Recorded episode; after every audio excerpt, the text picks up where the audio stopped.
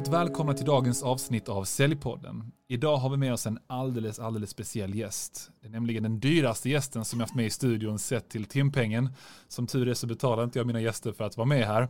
Men hade jag betalat honom så hade jag nog varit bankrupt.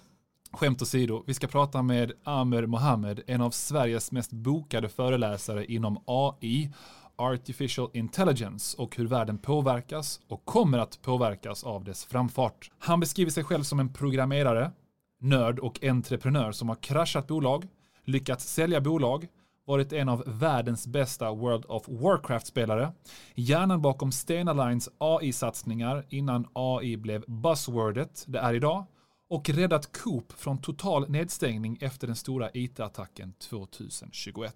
Han är idag en flitig föreläsare, senior rådgivare och investerare. Och han besöker Säljpodden för att hjälpa oss förstå hur våra säljorganisationer och även vi som säljer på individnivå kan behöva anpassa oss till det som sker i omvärlden. Och eh, jag utlovar också mina tre bästa tips på AI-verktyg som säljare kan använda sig av för att öka sin försäljning. Vilken lång introduktion. Ja. Men jag hoppas att vi höll det spännande för publiken ändå. För att du, du, är, du är bland de mest spännande gästerna som jag har fått möjligheten att eh, träffa skulle jag säga på den korta tid vi har lärt känna varandra. Ja okej, okay, ja kul. Får vi se om du kan leva upp till det också. Ja, ja. Nej, skämt åsido. Hur känns det att vara här? Jo det är jävligt ball nu när jag hittar rätt stad. Ja precis, ja, just det, vi skulle spela in ett avsnitt här i förra veckan, men, ja. men han åkte upp till Stockholm istället och då satt jag i Göteborg. Så ja, att, eh, det var en bra inledning på vår härliga relation. Men eh, berätta, vem är du med egna ord? Ja, men det är som du sa där i början, jag, jag är en extrem nörd. Uh, jag programmerare, vart jag säger jag var 11 någonting. Uh, och um, så fort jag tog min examen där, om du minns 2001 när it-bubblan ja. hade precis spruckit, då delade jag ut gratistidningar, det var det enda jobben som fanns. Och så såg jag att de här gratistidningarna, de, de satt och jobbade i Excel. Och jag tänkte ju lite naivt så här, men vad fan, har ni inget system ni jobbar i? Uh, nej, det har vi inte. Det finns inget för gratistidningar. Jag bara, fan, då kan jag väl koda ihop det. Hur svårt kan det vara? Uh, så det gäller att vara naiv när man ska göra sådana här saker. Och det var mitt första bolag då, som jag startade upp i Schweiz. Uh, tillsammans med en kollega som jag visste var duktig på programmering och hade jobbat med Metro innan. Så vi byggde det, det tog ungefär fem år, så det växte till 40 anställda någonting. Det var 11 gratistidningar runt om i Europa som, som körde det. Wow. Så det var kul. Uh, Vilken start, eller hur? Du bara ja. körde all in direkt. Den här all nej. Ja, men han bara, nu ska jag bli... Uh, ja, nej, jag vet inte, tänkte du på, vad, vad drev dig? Var det att bli framgångsrik eller var det snarare nej. bara lösa ett problem? Eller vad, vad lösa ett problem. Alltså du vet, när man är 22 år gammal då...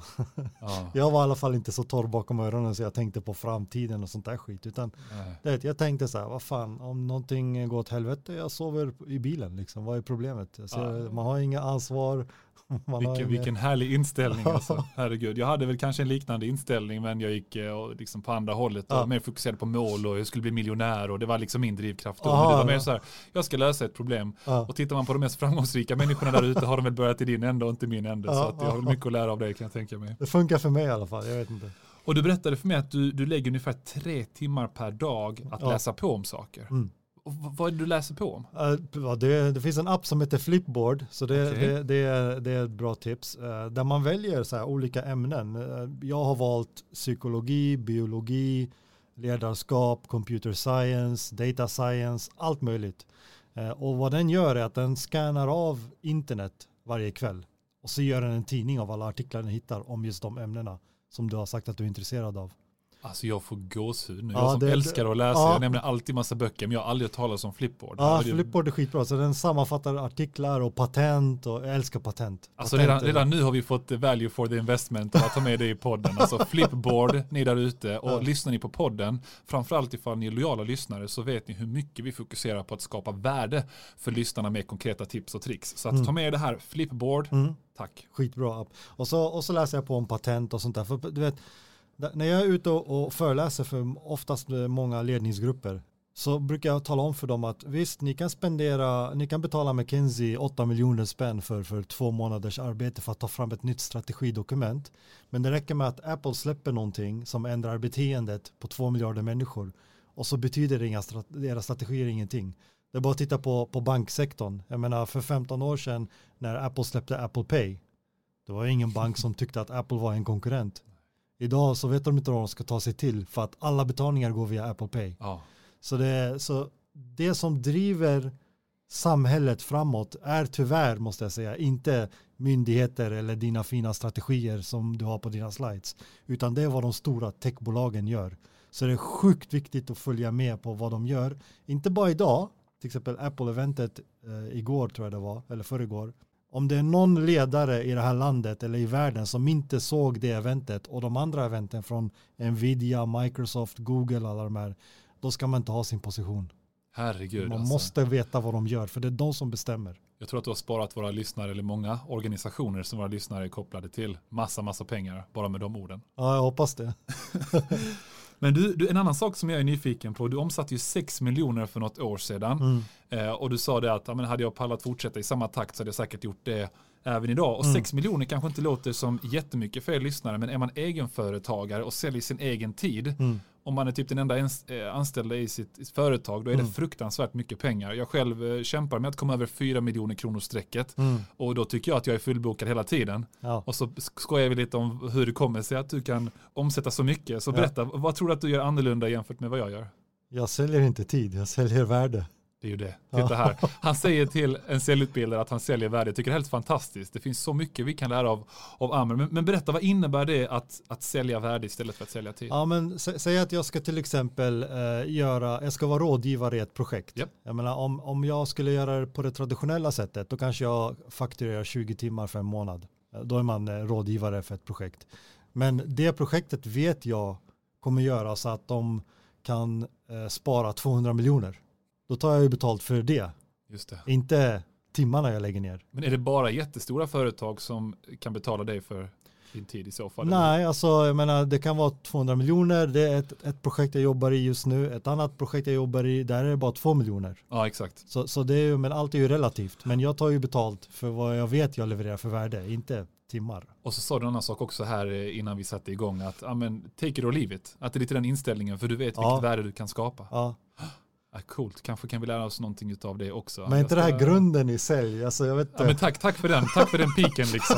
Jo, jo, jo men det, så, så är det. Samtidigt har man gått ifrån när jag startade företaget, om vi pratar om, om, om min lilla resa här, Mm. att oj, kan jag ta betalt ett par tusen lappar i månaden för de här digitala utbildningarna? Livrädd för det, trots att man har jobbat som säljchef på flera företag. Jag Mm. vet inte, jag tror inte att man är lika de flesta är lite mer rädda kanske än vad du har varit Mm. eh, när man ska prissätta för att Mm. man vill inte hamna i en situation där man inte har många kunder att kunna reagera för mycket på priset. Men Ja. jag håller med dig, grunden i sälj är att sälja på värde och inte sälja på timme eller på produkten i Mm. sig. Mm. Och enligt vad jag har kunnat luska i på LinkedIn så har du inte jobbat med sälj men ändå blev jag tipsad från flera säljare som lyssnat på dig och dina föreläsningar om att ta med dig i podden. Mm. Varför tror du det? Ja, det är en bra fråga. Jag funderar på den på vägen hit. Både när jag åkte till Stockholm och sen till, till Göteborg. Men jag, jag tror så här. Jag har jobbat både som entreprenör och jag menar, är man en entreprenör så, så säljer man en, en, en idé. Eh, när vi tar in riskkapital till exempel så finns det ju ingenting. Mm. Utan det jag får sälja det är en vision, Mm. en idé. Och, och, och där måste man ju bli duktig på storytelling. Eh, och så vad är det som triggar hjärna ett och vad är det som triggar hjärna två? Det finns ma- massa psykologi bakom det. Psykologi är en av de ämnena jag har i Flipboard by the Mm. way. För jag gillar, jag gillar sånt. Det var då jag upptäckte att det finns programmerare som är duktigare än mig. Så jag gick över till att börja sälja en story. Mm. Bygga en story kring vad det är vi gör. Så storytelling har varit viktigt. Sen när jag sålde det bolaget och, och kom in i mitt första riktiga jobb på Stena Line, då, då sålde jag in ett koncept, AI, 2016 redan. Och då måste man ju komma ihåg att 2016 så var det ingen som hade hört talas om ordet AI, för då var ju big data det stora buzzwordet. Eh, och hur gör man det? Samma sak där, storytelling. Och den filmen finns på YouTube fortfarande. Jag tog fram en film. Den heter, om ni man söker på Stena Line Pluto, så kommer man få se den filmen. Så det är storytelling som berättar varför, inte vad. Jag nämner inte ens ordet AI eller teknik överhuvudtaget.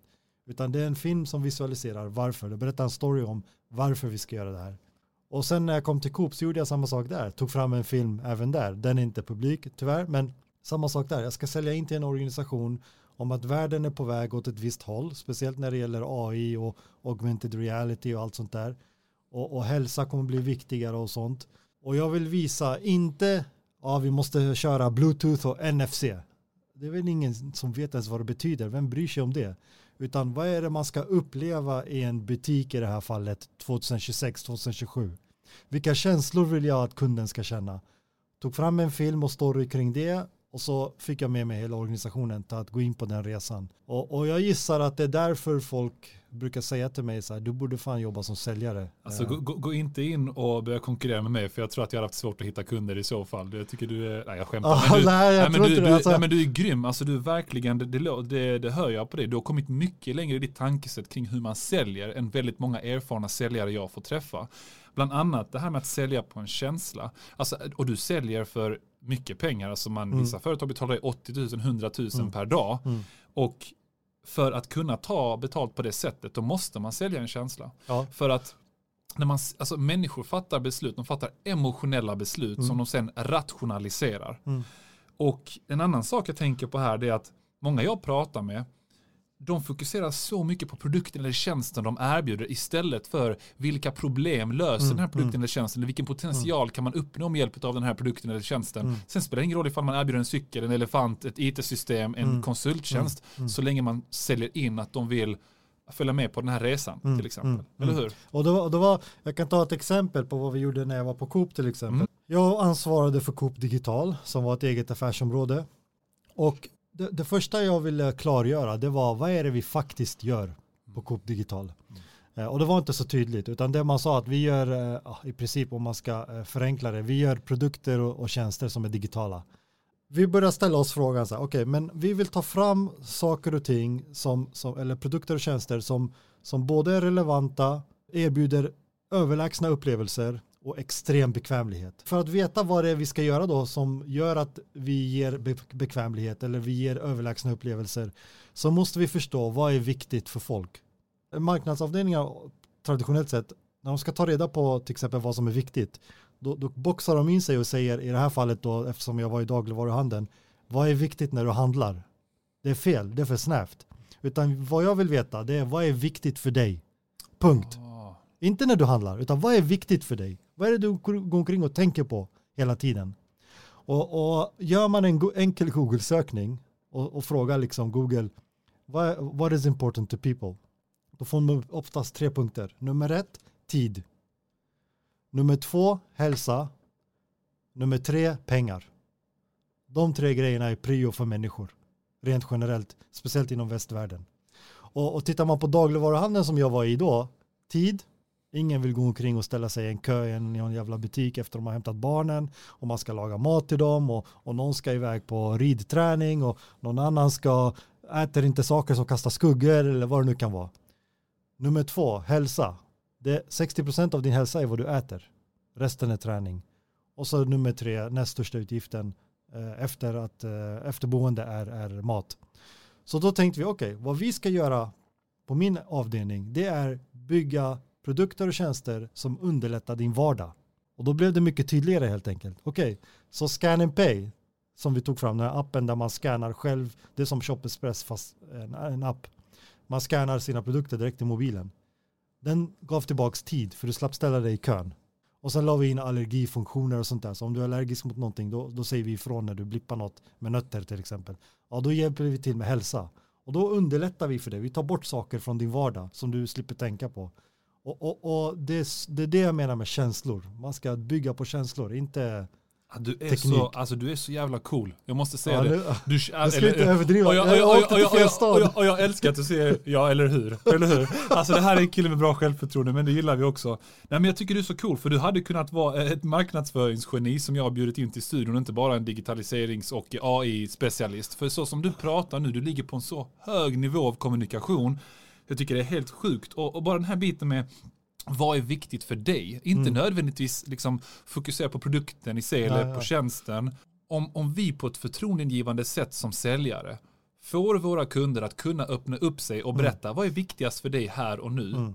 Och sen förhoppningsvis kunna erbjuda en lösning lite längre fram mm. som på något sätt kan kopplas till det. Men även om vi inte gör det, bara att mm. vi visar ett genuint intresse ja, av att vad, vad, som faktiskt är viktigt för dem just här och nu. Alltså då är vi hemma. Ja, alltså, och nu får du inte, du, du ska inte få mig framstå som något geni. Jag har ju läst på om det här. Det men det spelar ingen men, det, men det är alla genier typ har vi läst Ja. på om saker Ja, och ting. kanske, Alltså, Jag hade ju aldrig varit där jag är idag ifall inte jag hade läst över 300 och studerat 300 böcker. Mm, Nu är du mm. säkert på 2000 böcker. Artiklar spelar i ingen- alla fall. det Artiklar i alla fall, ja precis. Ja. E-böcker. Uh, grymt. När du själv säljer in dina uppdrag, Ja. vad tror du är den viktigaste framgångsfaktorn i att du lyckas så bra och kan övertyga Ja. om den här prisbilden? Storytelling. Storytelling. Ja, ingenting annat. Det är ingen teknik, det är inte vem jag är, utan att de faktiskt förstår vad jag säger. Eh, Jag skulle ju kunna ställa mig upp och, och prata om eh, tekniska termer. Du vet. Istället för att säga generativ AI så säger jag ja, men det är transformer-modeller och Mm. vi ska använda uh, nearest neighbor och sen ska vi köra lite random forest. Och sen, vem, vem fan bryr sig? Ja. Utan vad är problemet? Och hur ska jag lösa det? Och hur kommer kunden uppleva det? Ja. Det, det finns ju två bolag som gör det här skitbra. Ja. Kollar man på Nike, Ja. jag menar de, är, de, har, de gör världens vanligaste commodity, en sko. Men när man säger Nike, Då- ja, då väcker det en känsla. För i deras marknadsföring, de hyllar atleter, de Ja. visar inte skor. Mm. Samma sak med, med Apple, också jävligt duktiga på det. Det finns, ett, det finns en, en film som Apple fick pris för för typ fyra år sedan någonting. Där man ser, det är så här en familj som är ute i jultider. Och, och familjen är ute, du vet, de ska hugg, hugga en gran tillsammans och de ska välja en skinka. Och, och vet, det är så här jul och stämning och det är så här mysigt. Och så ser man den här ungjäveln sitta med skärmen hela dagen. Mm. Man, så, man får inte se att det är en mobil, utan man ser bara ett blått ljus i mörkret. Och man blir så sjukt irriterad. Alltså man blir uppriktigt sagt arg.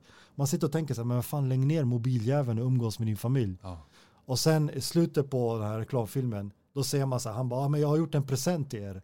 Och så slänger han upp en film på Apple TV. Och då har han spelat in hela dagen och klippt den i mobilen, du vet. Och, Oh my god, jag får gåshud ja, jag tänker eller på det. hur? Shit. Bara, bara jag berättade så blir jag, nackhåren ja. reser sig. Ja, ja. Och, och då har Apple visat dig, eh, inte produkten, Mm. utan vad du kan bli med deras produkt. Och, och det här är så häftigt. Många sitter säkert och tänker, eller kanske tänker att ah, men det här är Nike, det här är Apple, de har så här insufficient funds, de kan betala för mycket de som helst. började ju Men, på det noll. inte, ja, men de började på noll och Ja. inte bara det, Ja. utan även jag var ute hos Handelsbanken här för ett par dagar sedan. Mm. Nu är det okej att jag använder dem som Ja. referens. Och jag utbildade faktiskt dem och många av deras rådgi- rådgivare om just storytelling. Mm. Och bara genom att skifta fokuset från det här är en tjänstepensionslösning Mm. som innebär det här för er, avgiften är på detta. Strunta i det, prata snarare om hur har ni emotionellt kunnat hjälpa andra företagare Mm. Mm. som har varit i deras position med att säkra sin familjs ekonomi, Mm. med att inte Mm. lämna det här rummet Mm. utan att känna en trygghet Mm. kring sin familjs kortsiktiga och långsiktiga ekonomi. Mm. Om det är Petra eller Martin som är egenföretagare och står för 80% av sin familjs ekonomi. Mm. Mm. Sälja in en känsla och gör det med storytelling. Det är Mm. bland det viktigaste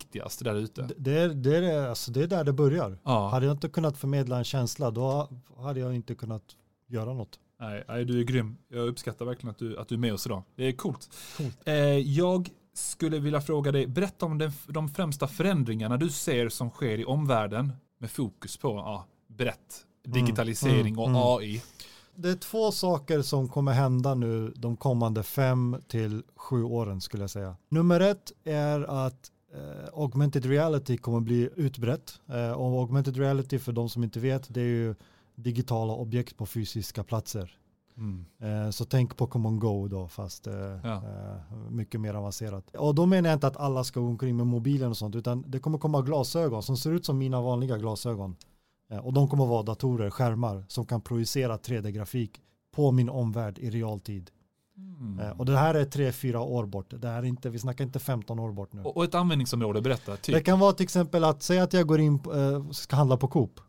Har jag då scan and pay fast i mobilen och den vet att jag är allergisk mot vissa saker eh, så kan den bara så här, så fort jag tittar på en hylla så blockar den bort allting som jag inte får köpa. Det. Det här är för nötter eller vad det nu kan vara. Eller ta det ännu längre, jag kopplar det till min hälsodata. Och har jag inte snittat 40 000 steg senaste två veckorna, då ser jag inte chipsen till exempel. Oh my Du vet, god. vad- ja, det här är så fett. där. Vet du vad jag tänkte på? Jag tänkte på så här, jag hjälper också Svea Solar, ett solcellsföretag, Ja, Sveriges ja, största. Och då tänkte jag om någon knackar dörr och så kommer någon eh, ut och så kan jag träffa dem i dörren där på den här liksom, Mm. villan då. Ja. Så att det är en eh, familjemor då som håller i ekonomin. Och så kan de här glasögonen i realtid analysera hennes kroppsspråk för att se hur man ska anpassa sin kommunikation utifrån Ja, hennes kroppsspråk. massa det där vore ju rätt Ja, häftigt. Så, så, det, så, det, så det är det inom hälsa. Sen inom, inom sälj, jag menar, till och med inom, det är samma som inom utbildning. När någon är stressad eller något sånt där, då kan man känna, då känner glasögonen av det och sånt. Så jag brukar säga så här, om man inte har ett par glasögon 2030, då missar man halva världen. Eh, Så, så det kommer bli, bli precis lika brett som mobilen är idag. Så Ja. kommer alla gå omkring med sådana glasögon eller linser då. Just det. Fan, Alltså jag, jag måste bli din bästa vän tänker jag. Du kan lära mig så jäkla mycket nytt. Det är så coolt det här. Ja, jag hoppas att lyssnarna också går igång på det här. så Ja, vi får se. Vad, vad finns det mer? Eh, Så det är det, det är det ena. Det andra är, och det här är det största skiftet, och som tur är så har ju Bill Gates bekräftat det så inte jag framstår som en idiot, men det kommer komma någonting som heter virtuella assistenter. Okej. Eh, Tänk Jarvis. Eh, Nej, jag vet inte. eh, på, för- från Iron Man. Ja, just det. Just det. Ja, eh, eller filmen Her, om du känner till den med Jacqueline Phoenix. Japp, japp. Så alla kommer få en egen virtuell assistent, ett AI. Personligt AI som följer med en hela livet. Och hur kommer det funka i praktiken? Vad, vad finns det? Är det ett chip? Eller Det kan, det, jag tror det kommer börja med hörlurarna. Så alla har- kommer ha så airpods eller liknande med, med, med inbyggt AI som då kopplat till mobilen eller glasögonen. Eh, och, det, och det är typ så här, säg att jag sitter hemma, jag, jag föreläser mycket för försäkringsbolag till exempel. Då brukar jag säga till dem så här, ja alltså jag skulle kunna sitta hemma och, och så säger jag så här, "Ja, eh, Amanda, jag gillar det namnet, jag har gett mitt AI namnet Amanda. Ja. Amanda, jag tänkte det här med mina försäkringar. Och så säger hon, ja men vad, vad är det med dem? Alltså är det någon av mina försäkringsbolag som jobbar med, med olja och vapen på börsen? Ja det är det, det, det här bolaget som har försäkrat din bil, de gör det. Ja, jag vill inte ha sånt, kan du hitta något annat? Ja visst, jag letar upp några. Och sen tar det några sekunder och så mina glasögon renderar. Ja, det här bolaget och det här bolaget, de har inget sånt. Ja, men vad bra, vilken av dem har 50-50 eh, fördelningar i styrelsen? Ja, men det är det här bolaget här. Ja, men byt till dem. Okej, så gör jag inget mer. Oh my god. Den fixar allting själv. Alltså du vet, jag har funderat på det här, nu vill jag inte avbryta det, men Mm, jag har funderat på att i princip alla så här inventions, alla innovationer som faktiskt skapar en riktigt stor förändring där ute, ja. ja. det är ju faktiskt kopplat till de här tid, hälsa eller pengar. Det är det. Ja. Och för mig, jag har varit så här, jag hade velat nästan filma mig själv en hel vecka och bara säga vad lägger jag mycket tid på? Och sen så är jag säker på att någon gång i framtiden kommer det komma en innovation som löser det problemet. Mm, mm. Men det är oftast där man, jag menar, eh, folk brukar säga till mig så här, men du jobbar mycket med business to consumer, vi jobbar med B2B. Ja, det, det finns inget sånt, det finns H-till-H, human to human. Mm. Jag menar, även om det är ett bolag så har jag varit med om exempel där ja, men vi jobbar med andra bolag så det är inte lika applicerbart. Och så pratar jag med den kunden som är på det bolaget, för det är en människa där ändå. Det är inte bara en mystisk svart entitet. Ja. Så jag går dit och så säger jag, ja men det här tjänsten som ni har köpt, är den bra eller? Ja, den i sig är bra, men sen har jag fem andra ställen jag måste logga in på för att göra någonting. Aha, men vad sägs om att jag kan erbjuda dig det här och jag löser de här fem andra så kan du logga in på ett ställe. Mm. Taget. Ja. Så det är fortfarande en människa Så körde där. han en silent close här bara. En, ja, det gick typ en halv sekund. Jag bara, vad ska hända nu liksom? Jag köper, här, ta min plånbok. Herregud alltså. Nej, men så länge man kan erbjuda tillbaks tid Ja, så vill ju, det är ju det folk köper. ja, exakt så.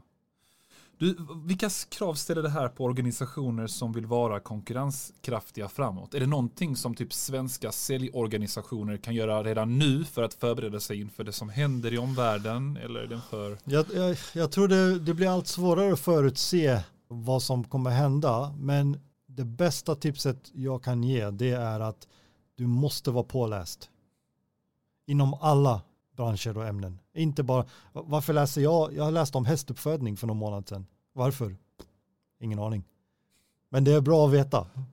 Ja, men, men jag måste ändå säga här, en liten, eh, jag vill utmana dig. I, Ja. en, I en utopisk värld, Ja. alltså i en perfekt värld, då kan man och har man tiden till att Mm, göra det på mm, det sättet. mm. Men vad gör man ifall man inte ens har börjat? Alltså en frustration jag har, Mm. det är att jag för, vad kan det vara, tio år sedan läste en bok, eh, jag tror att det var av Chet Holmes, Ja. en kille, en jättekänd säljutbildare i USA. Och han Mm. skrev så här att om jag i mina intervjuer med säljare, Mm. om inte de berättar för mig att de läser minst någon bok i månaden, så jag är inte ens intresserad av att ha dem på plats. Mm. I Sverige är det väldigt få säljare till och med säljchefer som Mm. läser böcker kontinuerligt utbildar sig och nu säger Mm. att de ska lära sig allting om allt möjligt. Ja, ja. Så då är min fråga, var börjar man någonstans? Jag, jag tror flipboard, alltså att, Ja. att, att börja i små, därför har man inte läst någon gång och så tar man sig an en 300-sidig bok, alltså man tröttnar. Mm. Eh, så, och, och ljudböcker, alltså när jag säger läsa då menar jag ljudböcker, alltså jag sitter inte och läser en fysisk bok. Eh, det har du bara, det, inte, det där är liksom old school. ja, det nej, men det, har, liksom det har jag inte tid med heller, utan eh, det jag sitter mycket på tåg och på flyg och sånt där, så då är det perfekt att ha det där i bakhuvudet hela tiden, att eh,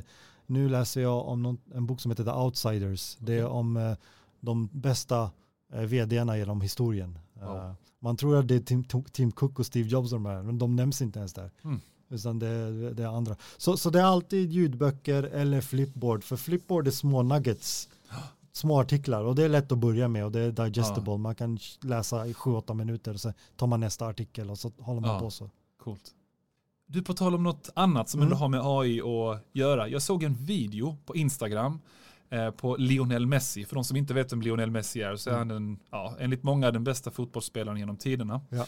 Och han är ju rätt känd för att han inte kan prata engelska och nu spelar han ju i USA. Ja. Och så såg jag en video där alltså de, de säger att de är ett knapptryck bara, eller ett verktyg, Mm, och kunnat skicka in en intervju med honom Mm. från en presskonferens mm, där han pratar spanska. mm, Fort, alltså man ser hela kroppsspråket, det är fortfarande han som pratar, men munnen, mm. alltså han pratar då engelska istället, fast han gör inte det på Mm, riktigt. mm. Så via det här verktyget har de översatt hans spanska till engelska med hans dialekt och att till och med munnen rör sig Mm, utifrån. mm. Jag har ju kört någon sån här DID eh, jag vet inte om du vet vad det är för någonting, ja, något verktyg. Så det blev inte alls Nej, nej, bra nej, faktiskt. Har du sett det här verktyget själv och hur Ja. det funkar i praktiken? Ja, det, det, det heter Hangwee eller något sånt där. Någonting med H. Ja.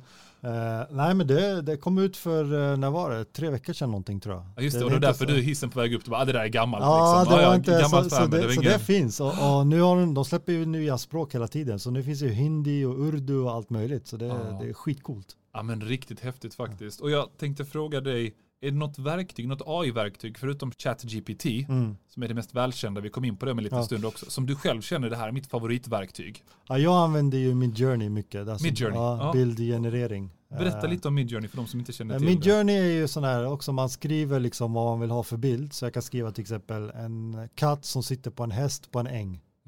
Eh, och då får jag upp en fotorealistisk bild med en katt som sitter på en häst och de står där i en äng då. Eh, och så kan jag säga vad det ska vara för scenery och sånt där. Men jag har gjort en liten fuling eftersom jag är så jävla lat så har jag ju tränat mitt ChatGPT. Jag har ju så här betalkonto. Jag har ju tränat ChatGPT på att lära sig mitt Journey. För det finns ju så sjukt många parametrar man kan ställa in. Vilken lins det ska vara och allt möjligt skit. Och, och pdf-en är typ 100 sidor lång. Mm. Så jag laddade upp den till ChatGPT. Så sa jag till ChatGPT, kan du lära dig det här pdf-en? Och då sa han, ja men nu kan jag det här. Och så säger jag då till ChatGPT, jag vill ha en katt på en häst på en äng. Och då spottar den ut en prompt åt mig, alltså en text med kamerainställning, vilken lins, hur ljuset ska vara, ska det vara vilken tid på dygnet. Så tar jag den prompten och bara pastar in i mitt journey och så får jag den här bilden. Ja, det är så sjukt. Och, och hur tror du att säljare, jag har ju en idé, men hur tror du Ja. att säljare kan använda sig av det här? Jag har en eh, kompis som jobbar som konsult och hans presentationer har blivit omtalade. Och vad han gör, det är att han tar bolaget som han ska konsulta för, han tar deras varumärkespaketering och all, alla de här reglerna de har, filer, vilka färger, laddar upp det till Midjourney och så har han det som utgångsläge och så tar han fram konceptbilder över idéer som han tycker det bolaget borde göra. Oh my god. Och då, det är så här färdigt material på produkter som inte finns. Ja, det är så sjukt. Och det här påminner mig om när jag jobbade som CRM-säljare. Mm. Eh, och vad jag, gjorde- det var en liten grej jag gjorde då, du kommer skratta åt mig, men jag tog företagets logga och klistrade in det i själva Ja, är typ CRM-systemet. och det gjorde inte mina konkurrenter. Inte, Ja. Åh, titta det här är vårt system. Ja. Och kunde man till och med lägga in ett litet fält i CRM-systemet där det var så här, ja men här är era tre affärsområden. Åh, det här är ju anpassat Ja, till oss. ja. Tänk då att arbeta med hela deras varumärkes, vad ska man säga, portfölj Ja, eller att, med deras färger och liknande. Sen, jag tänkte på en annan grej också. En del av storytelling, Mm. det är att förstärka sitt budskap under sina säljmöten Mm. med hjälp av bilder. Ja, jag vet inte om du har sett mina föreläsningar, men, men eh, jag har ju max två meningar på varje slide. Ja, exakt. Alltså det är max. Ja. Oftast är det tre ord.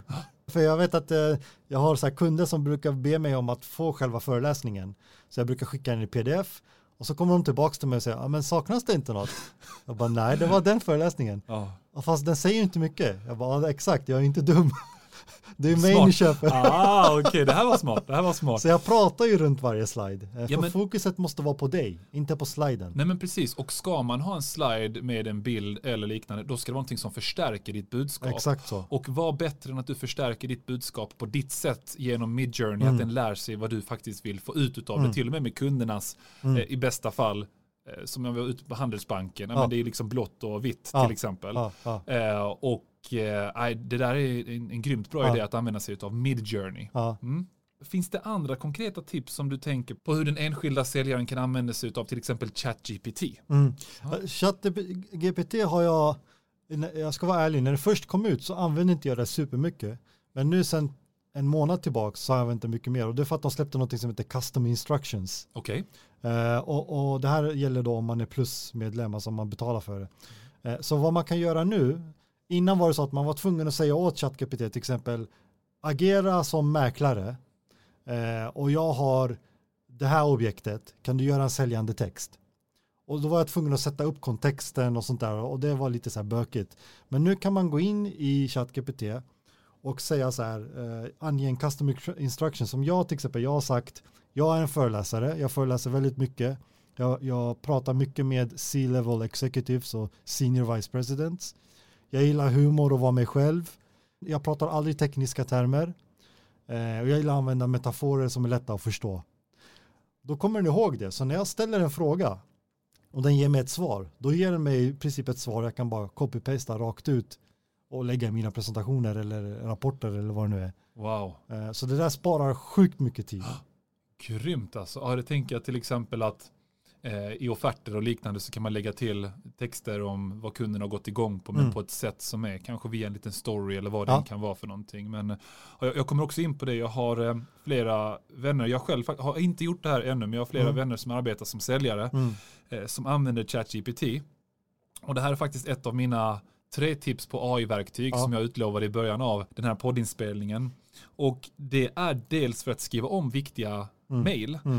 Eh, Jag själv är ingen big believer av att man ska liksom arbeta med mailen istället för samtal för att boka Mm. möten till Mm. exempel. Mm. Men jag har till exempel en fru Mm. som har jobbat inom mediebranschen länge och är riktigt duktig på att boka möten via mail.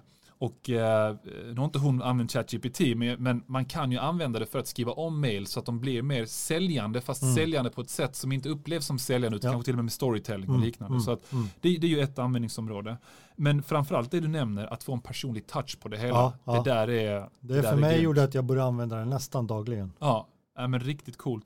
Och sen så är jag en stor föreläsare av att använda video i dina säljprocesser. Mm. Till exempel har jag pratat om i tidigare avsnitt om att jag hjälper företag i mediebranschen som Mm. typiskt sett är vana vid att bearbeta sina kunder via telefon bara. Mm. När de skickar iväg en video där de summerar offerten eller något annat. Mm. Det där är liksom dunderbra, men är man rädd för att använda video eller vill göra någonting på ett lite annorlunda sätt Mm. så finns det då det här basic-verktyget d-id.com. Och jag själv gjorde det här, jag la ut en eh, LinkedIn-post för ett tag sedan och bara, ja men min eh, tvilling, AI-Leo, har, har ett tips om detta, skriv ifall ni vill ha tillgång till det. Ja, ja. Så att om ni är nyfikna på det så leta upp det eller skriv till mig på LinkedIn så kan jag skicka ett exempel på hur det kan se ut. Ja. Nu satt jag med armarna i kors och det ser jätteonaturligt ut liksom. Men jag tror att det här nya verktyget som eh, Lionel Messi, Ja. de gjorde med Lionel. Lionel Messi, där kan det funka bättre. Sen har jag ett tredje verktyg jag skulle rekommendera. Mm. Och det var en säljare jag försökte eh, anställa som säljare till mitt eget företag. Mm. Och han berättade att han använder ett verktyg som heter Apollo.io, alltså A-P-O-L-L-O.io. Och vad det här gör, alltså det här är ju ingen super, super high tech kanske, men det är ändå en, en robot som hjälper dig. Mm. Det är att du sätter upp mailkampanjer, men du kan även göra det här på LinkedIn, kanske Mm. inte via Apollo utan andra verktyg. Alltså kampanjer där du följer ett flöde. Säg att jag vill boka ett möte med dig Ja. och med 50 andra eh, duktiga föreläsare. För att jag vill att du ska betala mig för att sätta upp dina utbildningar fast digitalt. Mm. E-learnings till Mm, exempel. mm. Så att jag ska bearbeta dig i en viss marknad.